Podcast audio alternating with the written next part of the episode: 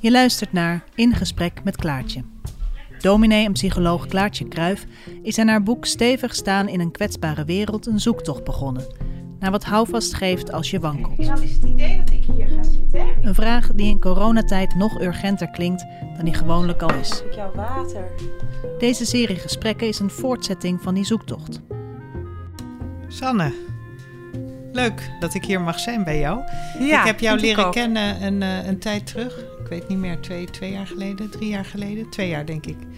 Heb je mij geïnterviewd voor het Financiële Dagblad in een serie over relaties?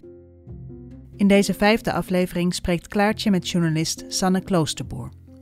Zij is eindredacteur bij het magazine van het Financiële Dagblad, schrijft persoonlijke portretten en essays en is moeder van de 15-jarige Jaël. Een meisje met een ernstige verstandelijke beperking. En toen eh, ja, hadden we eigenlijk, vond ik, een hele leuke ontmoeting. En vertelde jij ook over jouzelf, over jouw relatie, jouw ja, leven. jij liep mij naar het station. Ze Oh ja, hadden ja. we, hebben we nog even nagepraat. Ja, dat klopt, ja. En, eh, en ik dacht, wat een leuk mens. En eh, gevoelsmatig, echt, echt op, puur eigenlijk op gevoelsniveau. In die ene ontmoeting dacht ik, volgens mij kan jij mij verder brengen. Oh, Eh, en ik lees ook Wat met plezier jouw, Ja. jouw Facebook-posts en, en allerlei interviews met jou. Eh, dus fijn dat ik eh, hier mag zijn. Onlangs verscheen van Sanne Kloosterboer een essay in het FD met de titel De coronacrisis leert ons hoe kwetsbaar we zijn. Ik ga meteen vragen hoe het met je is. En dat in verband met, eh, eh, dat raakte mij op Facebook aan het begin van de lockdown, de allereerste, maart, april, mei. Toen was er een soort ook gevoel van, beetje hosanna van eh, jeetje de natuur en geweldig alles. En eh, we worden tot stilstand geroepen en wat fijn en wat kunnen we allemaal hier niet uithalen. En het werd hoogste tijd. En op een gegeven moment zag ik een, eh, een pittige post van jou voorbij komen. En een beetje in de sfeer van, als ik me goed herinner... Ik zit hier thuis met, met mijn eh, eh, gehandicapte dochter. Ik, ik heb een baan. Ik moet alles combineren. Ik vind het een hele pittige tijd. Hoezo? Eh, eh, Ja. Al dit positieve gedoe. Hè? Dus Ja. en dat was volgens mij een heel erg prettig geluid. Want daar, daar werd eh, in één keer werd het omarmd door allerlei mensen die dat ook zo ervoeren. Hoe, hoe, hoe was dat toen? Ja. Nou, mijn dochter, ja, El, die was eh, eh, met, met het beginnen van de lockdown sloot ook haar eh, dagbesteding en haar logeerhuis sloot. En zoals ook de scholen sloten. En zij zat ineens thuis. vier dagen bij mij en drie dagen bij mijn ex-man. Nou is er 24 uur zorg nodig, want zij is, ja, zij is een baby van intussen 15, een groot baby. Dus ja, dat kon niet. Eh, vier dagen werken en vier dagen voor haar zorgen. Eh, en wat daarbij eh, meespeelde, was dat persconferentie na persconferentie eigenlijk de gehandicapten vergeten werden. Er was ook geen beleid. Dus besloten de instellingen maar individueel. We gaan mee met de scholen, we gaan mee met de verzorgingshuizen. Dus eh, ja, dat begon op een gegeven moment ook wel wat aan mij te knagen. Eh, dat, dus, eh, ja, dat, dat, dus, dat ik op een gegeven moment wel naar de nagelstilisten kon. in het hypothetische geval dat ik dat zou willen. Maar dat mijn dochters opvang nog steeds, ja, dat daar niks over gezegd werd. En dat bracht eigenlijk bij mij ehm, oude gevoelens van rouw en verdriet met zich mee. Eh, nou ja, de allerlei fases, verdriet, boosheid, die ik eerder had ervaren ehm, eh, in, in de eenzaamheid van, eh, of waar je in geraakt als je kind zich anders ontwikkelt. En het stuk dat ik daarover schreef, de conclusie is helemaal niet zo negatief. Dat, dat ik eigenlijk al wist dat het leven niet maakbaar is. Dat, eh, dat de natuur zich zomaar, nou ja, dat de natuur zich zomaar tegen ons kan keren. Dat is wat er gebeurde. En dat we ons daartoe moeten verhouden. En ik denk dat de enige weg daartoe is eh, een soort radicale acceptatie. Zo van alles kan altijd gebeuren. Maar daar zijn we niet meer zo erg aan gewend in onze samenleving. Maar dat de weg naar die acceptatie, die is niet gratis. Je kunt niet zeggen, oh ik ga dat even accepteren, ik leg me hier weer neer, ik berust. Eh, ik berust in deze omstandigheden. Daartoe moet je eerst al die moeilijke gevoelens door. Ik was boos op de instelling, de onzichtbare leiding, het gebrek aan communicatie, het uitblijven van zoiets eenvoudigs als een hart onder de riem. Boos op de politiek, op Rutte en de jongen, die persconferentie na persconferentie de gehandicapten over het hoofd zagen. Boos op al die Nederlanders die op hoge toon de sluiting van de scholen hadden geëist, waardoor Jaëls instelling, die bij gebrek aan overheidsbeleid de scholen volgde, nu ook dicht was. Net als half Nederland was ik met regelmaat boos. De oververmoeidheid begon al snel toe te slaan. In mijn schild kwamen barsten. Boosheid is ook een soort schild. Vaak zit achter boosheid een groot verdriet, maar als je overeind moet blijven kun je daar niet zo goed bij. Dan is het makkelijker gewoon boos te zijn. Tot dat niet meer lukt. Tot je van buiten naar binnen moet. Ergens ben jij dus al uh, geoefend in, in, in, in, dit gevoel. Ja, ik had een voorsprong voor mijn gevoel. Maar je werd ook teruggeworpen na, uh, naar dat gevoel. Hè? Want, want wat, is er, wat, wat is er gebeurd? Ja, Jaël was niet direct bij geboorte uh, duidelijk gehandicapt. zij is een maand te vroeg geboren. Dat was achteraf gezien al een, al een teken dat er misschien iets zou kunnen zijn met haar. Uh, en zij leek aanvankelijk gezond. Er waren wel ja, tekenen. Haar, haar nekje bleef heel lang slap, bijvoorbeeld. Ja. En uh, daar kwamen steeds meer um, signalen bij dat zij zich niet goed ontwikkelde. Ze ging niet, ze haalde geen mijlpalen, zoals dat dan heet. Ze ging niet rollen, ze ging niet uh, zitten. Dat ging ze wel doen, maar veel later. Ze um, brabbelde amper. En zo kwamen we in een uh, circuit. Eerst bij een kinderfysiotherapeut, toen weer terug bij de kinderarts, toen naar een kinderneuroloog. En op een gegeven moment zag ik iets bij haar waarvan ik meteen wist: dit is iets epileptisch, een absence. Het was heel subtiel, maar nou ja, ik observeerde haar natuurlijk goed. En uh, toen kwam dat aan het rollen, dat zij dus e-, eigenlijk een groot deel van de dag uh, epilepsie bleek te hebben, die niet zo goed zichtbaar is. En uh, nou, toen zij 3,5 was, toen had ze al, dat heette dan een ontwikkelingsachterstand. En dan denk je ergens als moeder, uh, ja, een ontwikkelingsachterstand, dat klinkt helemaal niet zo, uh, niet zo uh, alsof alle hoop verloren is. Dat kun je gewoon inlopen. En dan gaat ze maar naar het VMBO. Wat geeft dat nou? Uh, Ga je dus eigenlijk oplossingen zoeken of, of ja, toch willen beheersen? Ja, en, en ik denk dat de gedachte kwam niet in mij op dat, dat het wel eens veel erger kon zijn. En uh, ik herinner me het beslissende gesprek toen zij 3,5 was bij de, uh, bij de kinderneuroloog. Die zei: zij heeft een ernstige verstandelijke beperking. En jullie moeten ervan uitgaan dat zij nooit mentaal ouder zal worden dan, of groter zal worden dan een peutertje. Dus. Um, en dat was een enorme klap voor mij. Dat, Goh, ja. Ja. Uh, ja, ik was daar heel, heel verdrietig over toen. Ja, ja dat, dat is echt zo'n moment, denk ik, dat je eigenlijk nooit vergeten zal. Hè? Dat, nee, misschien, nee. Misschien herinner je dat nu als een gebeurtenis of, of voel je het ook? Uh, het is nu meer een gebeurtenis en het verdriet verandert ook uh, voor mijn gevoel. Ik heb heel lang ben ik verdrietig geweest. Kijk, voor mij is het altijd heel duidelijk geweest. Zij is, uh, zij is goed zoals ze is. Het is no ik heb nooit gedacht.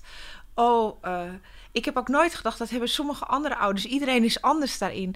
Als ik dan op op haar twaalfde verjaardag weer op de babyafdeling stond voor speelgoed, dacht ik niet, oh, ze had nu. Mijn gedachten zijn nooit naar een parallel universum gegaan waarin dingen anders hadden kunnen lopen. Dat, zo, zo, zo werkte het niet bij mij. Ik was wel verdrietig over het gezin dat ik niet gekregen had. Je hebt, ik denk dat iedereen die uh, vader of moeder wordt, een, een beeld heeft uh, van, ja, en dat beeld is denk ik doorgaans nogal idyllisch. Uh, maar uh, van hoe het zal zijn. En hoe je je kinderen, uh, ja, het wonder van, van, van een normale ontwikkeling. En hoe je daar getuige van mag zijn en daarbij mag ondersteunen. maar dat verdriet, dat is veranderd eigenlijk de laatste jaren. Ik, ik heb daar ook laatst over nagedacht. Um, daar ben ik niet meer zo erg mee bezig. Ik ben nu vooral verdrietig om Jaël en om haar leven. En dat zij altijd. Uh, ja, dat zij altijd afhankelijk zal zijn en dat zij maar zo beperkt regie heeft over haar leven. Ja. Ja, ik, ik, ik las ehm, ergens om daarop in te haken dat jij schrijft, en dat vind ik als moeder, dat herkent denk ik ieder vader ook. Maar ik denk ook dat moederharten daarin eh, extreem sensitief zijn. Hè? Dat tekortschieten schrijf je Ja, over. Je ja. schrijft, eh, ik, ik vond het heel mooi als ik dat even mag voorlezen. Ja, Dat was volgens mij met dit weer in de Margriet. Ja, L blijft altijd mijn zwakke plek. Het zachte deel van mijn hart. Mhm. Nou, dat vind ik al heel ontroerend. Het zachte deel van mijn hart. Altijd ligt bij mij het gevoel op de loer dat ik tekortschiet. Dat ik meer zou kunnen doen. Meer had kunnen doen. En dan schrijf je: Ik kan nog steeds niet goed omgaan met haar afhankelijkheid. En haar weerloosheid. Hè? Dat ze zelf dus niet zoveel over haar situatie te zeggen heeft. Nee, nee. Nee, dat ik alles voor haar beslis. En dat voelt soms eigenlijk te groot voor mij. Ehm, en dat gaat dan over hele eh, praktische dingen. Zij logeert in een logeerhuis.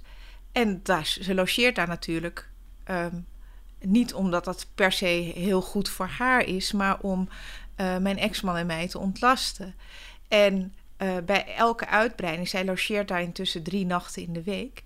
Eh, en die uitbreiding van twee naar drie nachten, die vond ik heel moeilijk.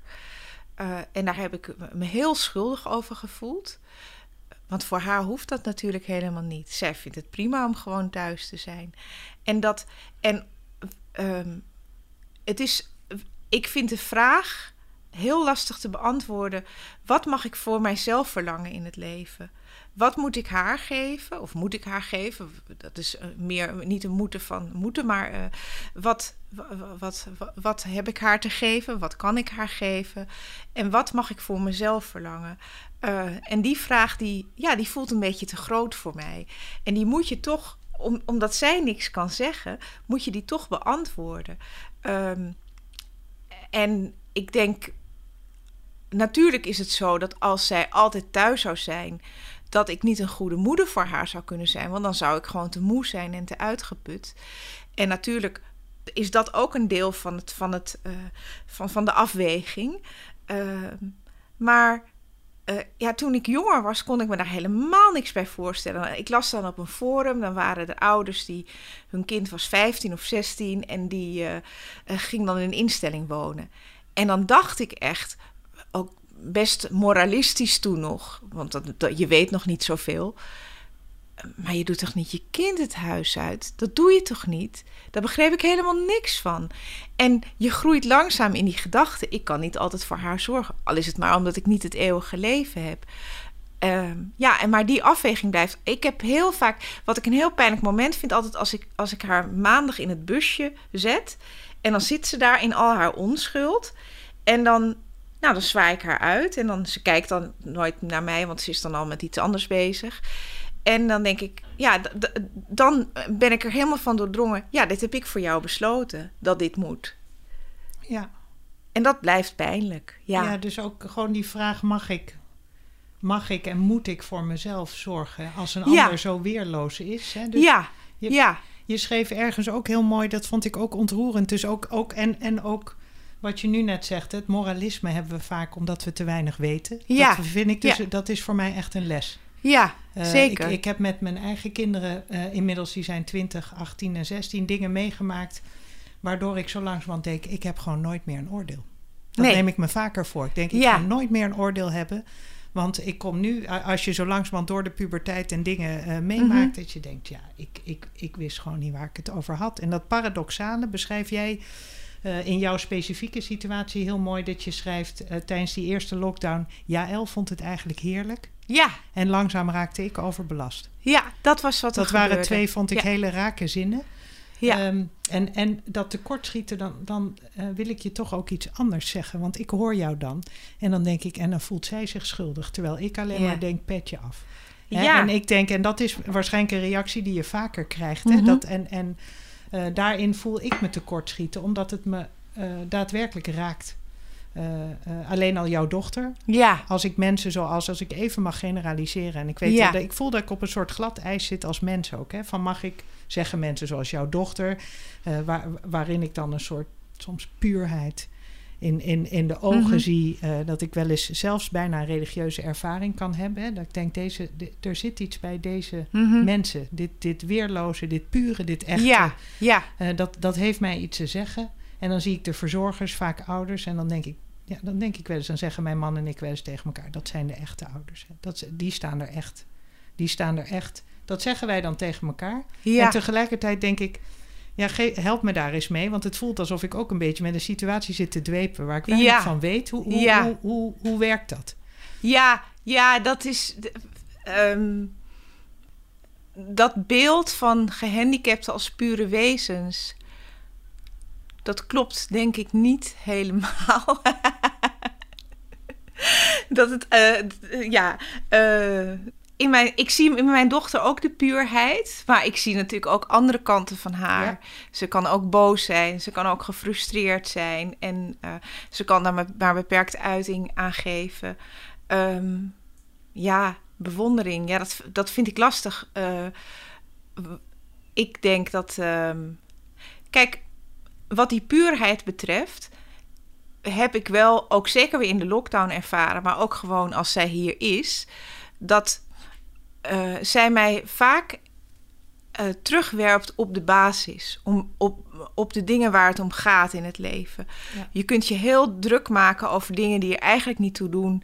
En dan is zij hier en dan gaat het om eh, een badje, een kusje, ehm, eh, een kopje thee.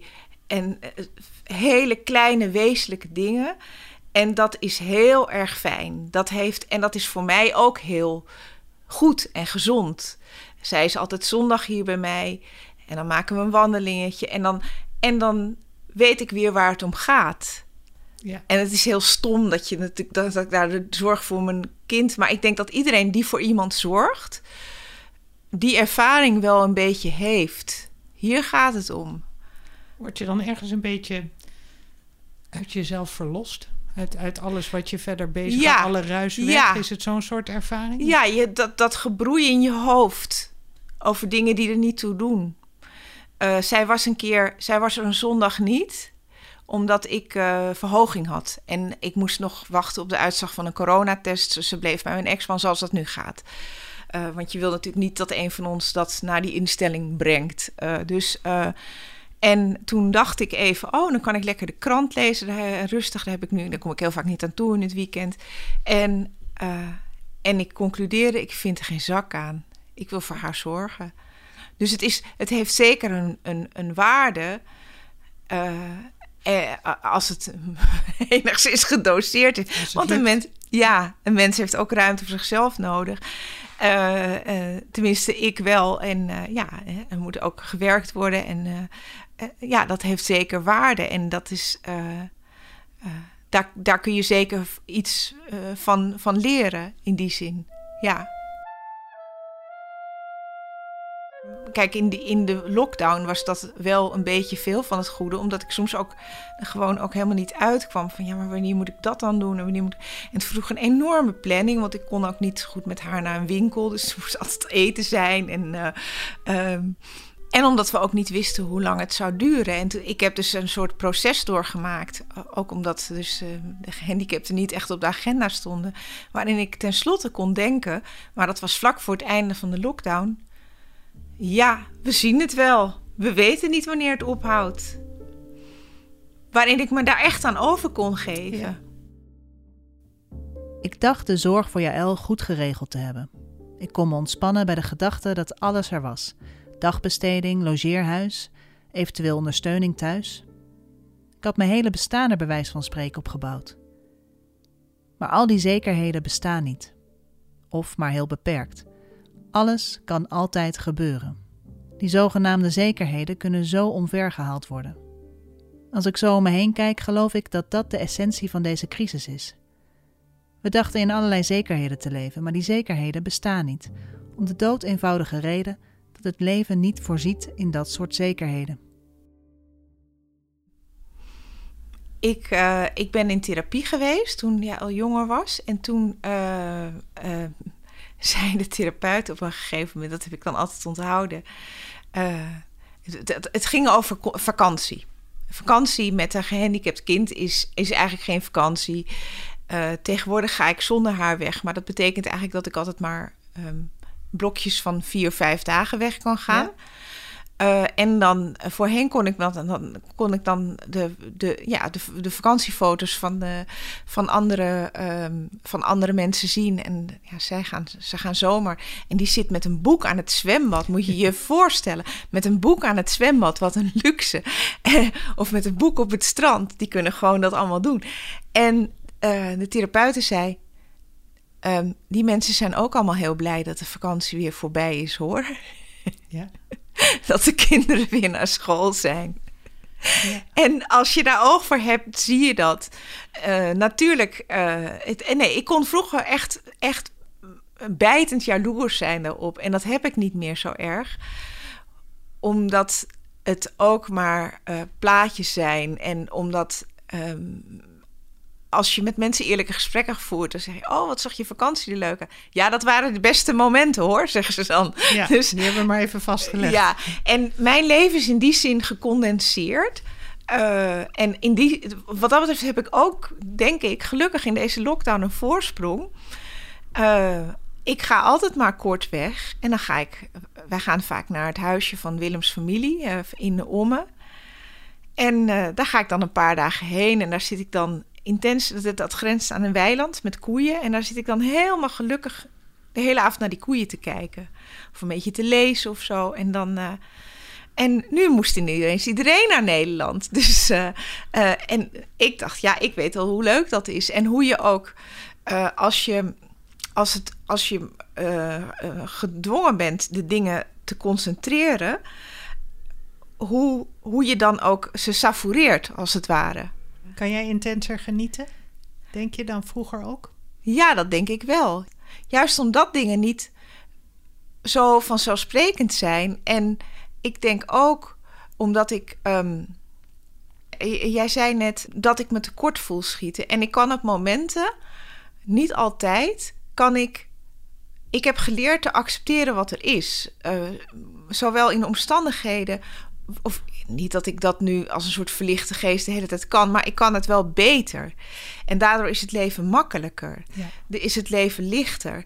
En uh, uh, niet alleen de omstandigheden, maar ook in mijn emotionele leven.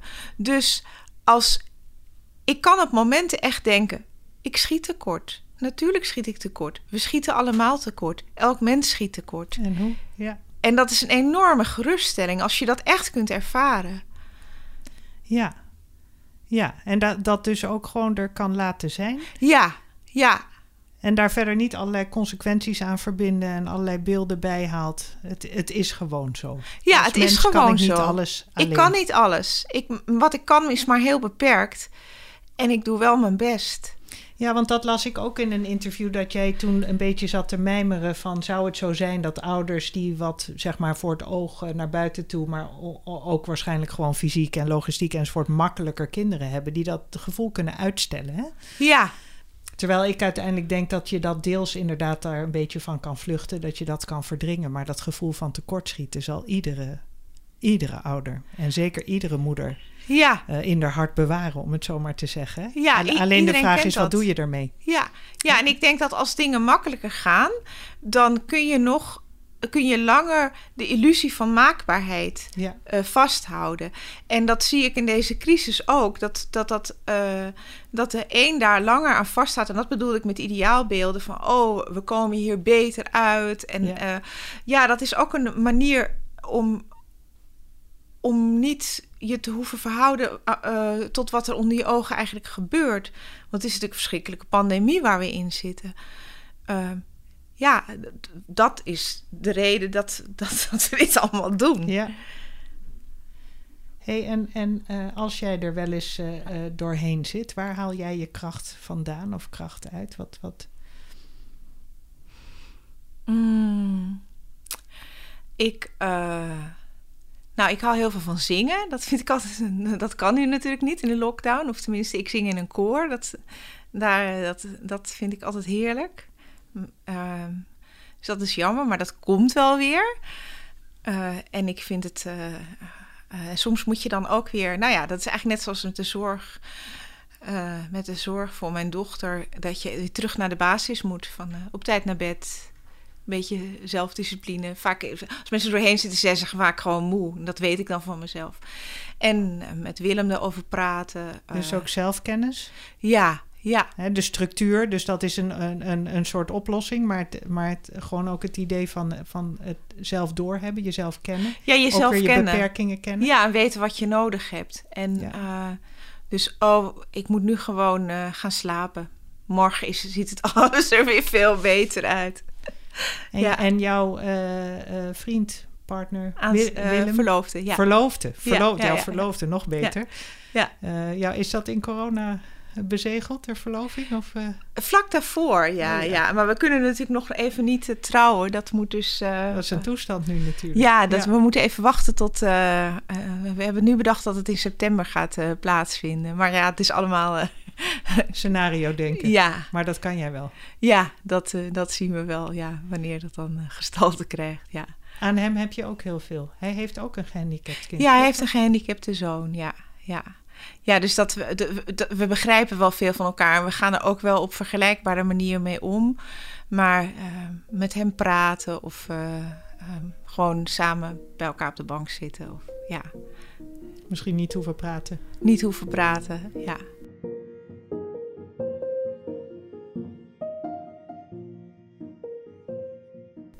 De samenleving, hè, straks, als, eh, als die weer open gaat. Of, eh, is, heb jij een bepaald verlangen? Denk je, denk je wel eens...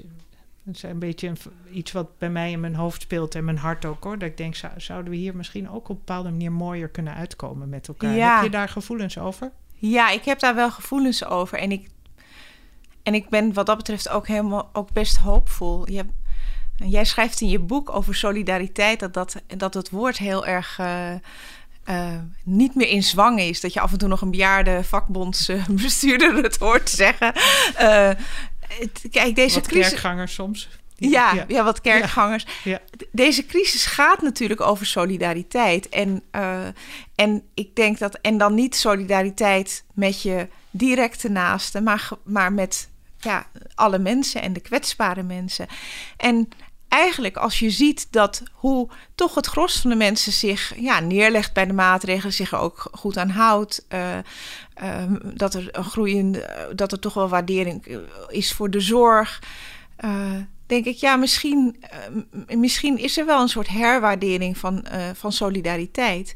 En ook daarin zag ik een parallel. Kijk, mijn, mijn, mijn dochter, die heeft natuurlijk. ehm, wij hebben in Nederland de verzorgingsstaat. Dus zij. En dat is. Een, een- de verzorgingsstaat is natuurlijk iets bij uitstek. Iets eh, wat uitgaat van solidariteit. Dat je de kwetsbaren beschermt. Dat er regelingen zijn voor kwetsbaren. Maar dat merk je nooit zo erg. En nu moet, je, moet iedereen in zijn leven heel direct offers brengen uit solidariteit. Eh, Ja. met, met mensen die je helemaal niet eens kent.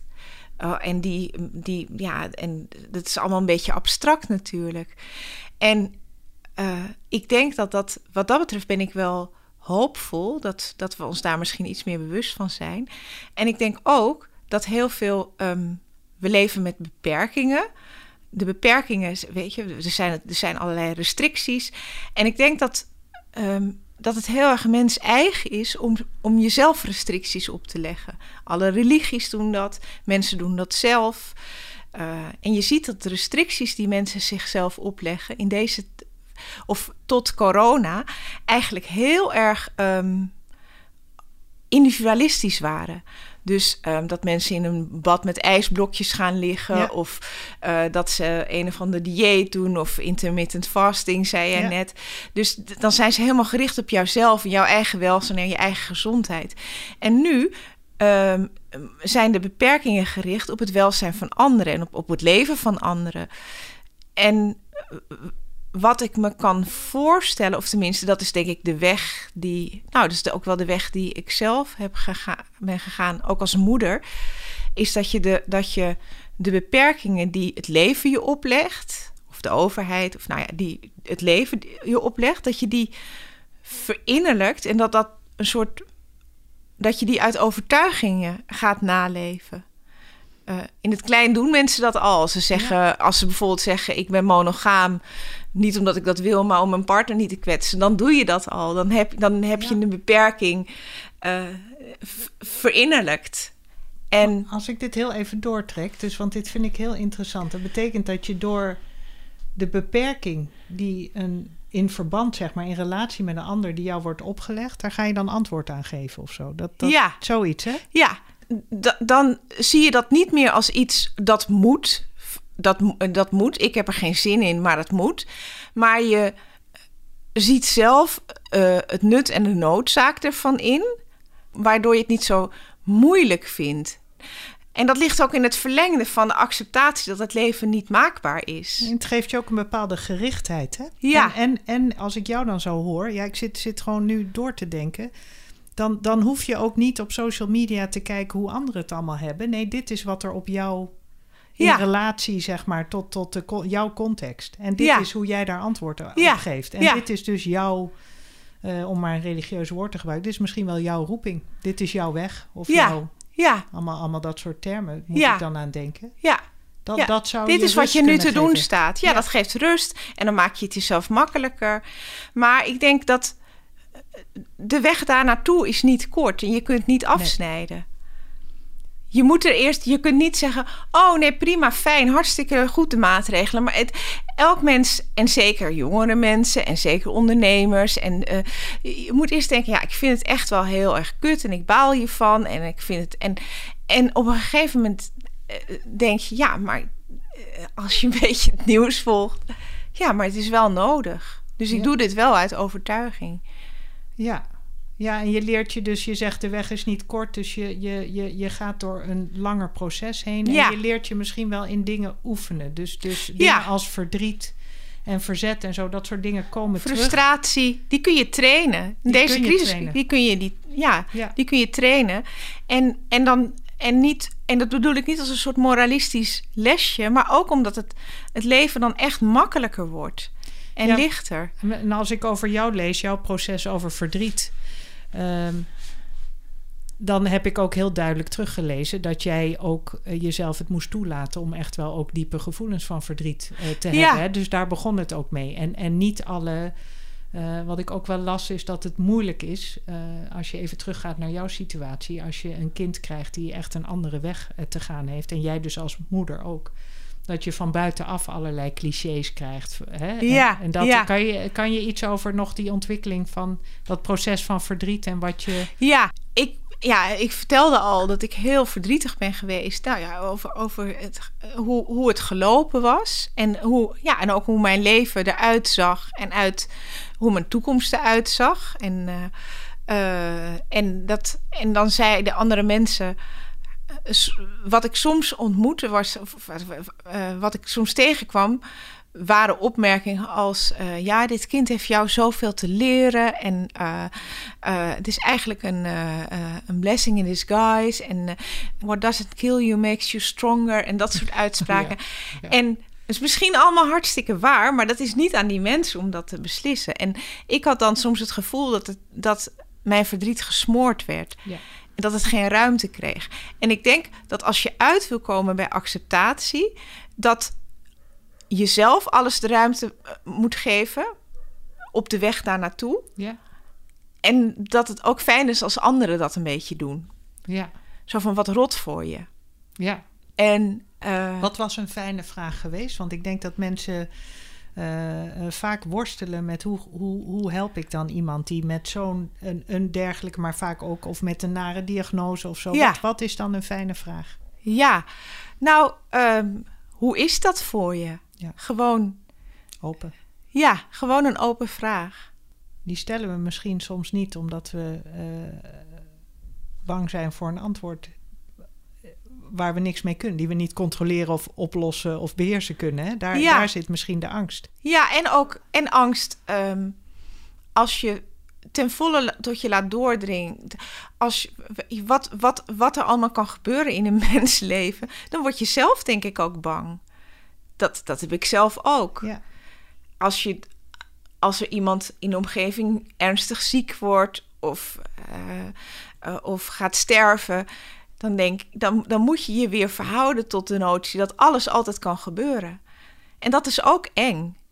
Dus ik denk dat je, je, je openstellen daarvoor is ook je openstellen voor dat, dat gegeven. Dat we maar heel weinig in de hand hebben. Het aanvaarden dat het ten diepste heel fragiel is. Allemaal. Ja. Ja. En dat, dat is ons misschien wel de, om, richting, als je denkt aan deze hele coronacrisis, dat hebben we misschien wel nog het, het hardst moeten leren met elkaar. Hè? Ja, dat al het gemak waarmee we leefden en uh, waarin alles regelbaar en controleerbaar leek, dat dat allemaal nogal betrekkelijk is. Ja. Ik, um, jij hebt mij vorige keer uh, geïnterviewd, uh, ik jou nu. Heb, heb jij voor mij nog een vraag? Hoeft niet hoor, maar misschien is er wel iets wat je wilt terugvragen. Ja, hoe, hoe, hoe heb jij deze crisis ervaren? Ach joh, uh, goh, nou dat, dat verandert. Um, um, laat ik zeggen dat ik vanuit mijn werk en als mens me uh, uh, elke keer steeds hardop zeg. En dat meen ik ook. Ik, ik heb een baan, ik heb een dak boven mijn hoofd. ik heb het goed. Ja. Dat, dat wil ik elke keer zeggen, want ik heb, ik heb zelfs een, een heel, heel boek kunnen afschrijven uh, tijdens zo'n coronacrisis. Hè, dat ja. je denkt, ik heb de luxe om een boek te schrijven over hoe je steviger kan staan. Kom op, hé, weet je wel. Ik heb het, ik heb het dus goed. Ja, ik herken dit wel. Ja. Ik heb het goed. Uh, tegelijkertijd heb ik twee van mijn drie dochters die net zijn gaan studeren, die hun weg moeten vinden in een hele moeilijke tijd. Uh, ergens denk ik ook, hier gaat ook iets moois uitkomen. Maar ik heb, ik heb wel hartverscheurende dingen gehoord. Dus nou ja, met mij is het, uh, uh, is het oké. Okay. Ik had gisteravond een, uh, een, een lezing via Zoom over mijn boek. Er zaten 50 vrouwen van zo'n beetje, als ik zo mag zeggen, allemaal zo onze leeftijd. Ja. Die, um, en die heb ik allemaal de vraag gesteld, jongens, het is, of, of, dames, vrouwen, whatever. Het is, het is nu in de kerken de vaste tijd, hè, de 40 dagen tijd. daar hebben we het vaak over, wat moeten we minder doen? Ja. Nou, ik vind dat in deze tijd, denk ik, we moeten een hoop minder doen. Hè? Laten, we eens, ja. laten we eens zeggen, waar hebben we meer van nodig? En, ja. en wat, wat vinden we, wat verlangen we nou echt? En toen heb ik ze een vraag gegeven, en dat komt dan via die chatfunctie terug, dat is eigenlijk heel leuk. Van wat, wat is er aan je leven waarvan je zegt, dat wil ik eigenlijk afleggen? En, en waar wil ik mee verder? Daar is deze tijd eigenlijk ja. natuurlijk heel goed voor, om je af te vragen, welk oude liedje wil ik niet meer zingen? Nee. Nou, dat waren 50 vrouwen die, denk ik, ik ken niet alle verhalen achter de voordeur, maar denk ik allemaal uh, een dak boven hun hoofd hebben, had ik... Ja, ze zaten mee te zoomen, hè, dus, en, en, ja. en een baan en zo. Dus dat, dat uh, vanuit die comfortabele positie was het één grote schreeuw door die chat om één op één intimiteit, diepgaandere gesprekken. Ja. Uh, alle ruis weg. Het was, het was gewoon, het was... want alle vijftig hebben geantwoord, waren allemaal variaties op dit thema. Ja. Ik vind, ja. dat, ik vind dat toch woest interessant. Ja, Dat zegt zeker. iets, hè? Op zoek naar intiemere, minder kennissen, meer vrienden. Ja. Vriendschappen, wie ja. telt nou? Leven kleiner. Ja. Uh, dus toch restricties, beperkingen die je jezelf oplegt. Om... Ja, laten we dat nog even terughalen. Voor, en dan, dan kunnen we daarmee eindigen. Door restricties die je, die je in relatie krijgt opgelegd, ja. leer je vanzelf waar voor jou misschien wel uh, je gerichtheid zit, je, de, de mogelijkheid tot overgave. Ja, zodra je in relatie tot anderen wil staan, moet je delen van je vrijheid al opgeven. En die anderen, dat zijn nu in deze tijd heel veel anderen geworden. Ja. En uh, ja, terwijl dat normaal gesproken jouw kring is. En, ja. ja en natuurlijk ook ja. het, het, verkeer natuurlijk. Ja. Uh, um, noem het maar op. Ja. Vrij, vrij van wordt dan vrij voor eigenlijk, hè? Ja. Mooi, dankjewel. Ik vond, ik vond het zelf een heel fijn gesprek. Ik neem er weer van alles van mee. Dus uh, blij okay. dat ik uh, bij jou mocht aanschuiven. Ja, dankjewel, jij ook, dankjewel.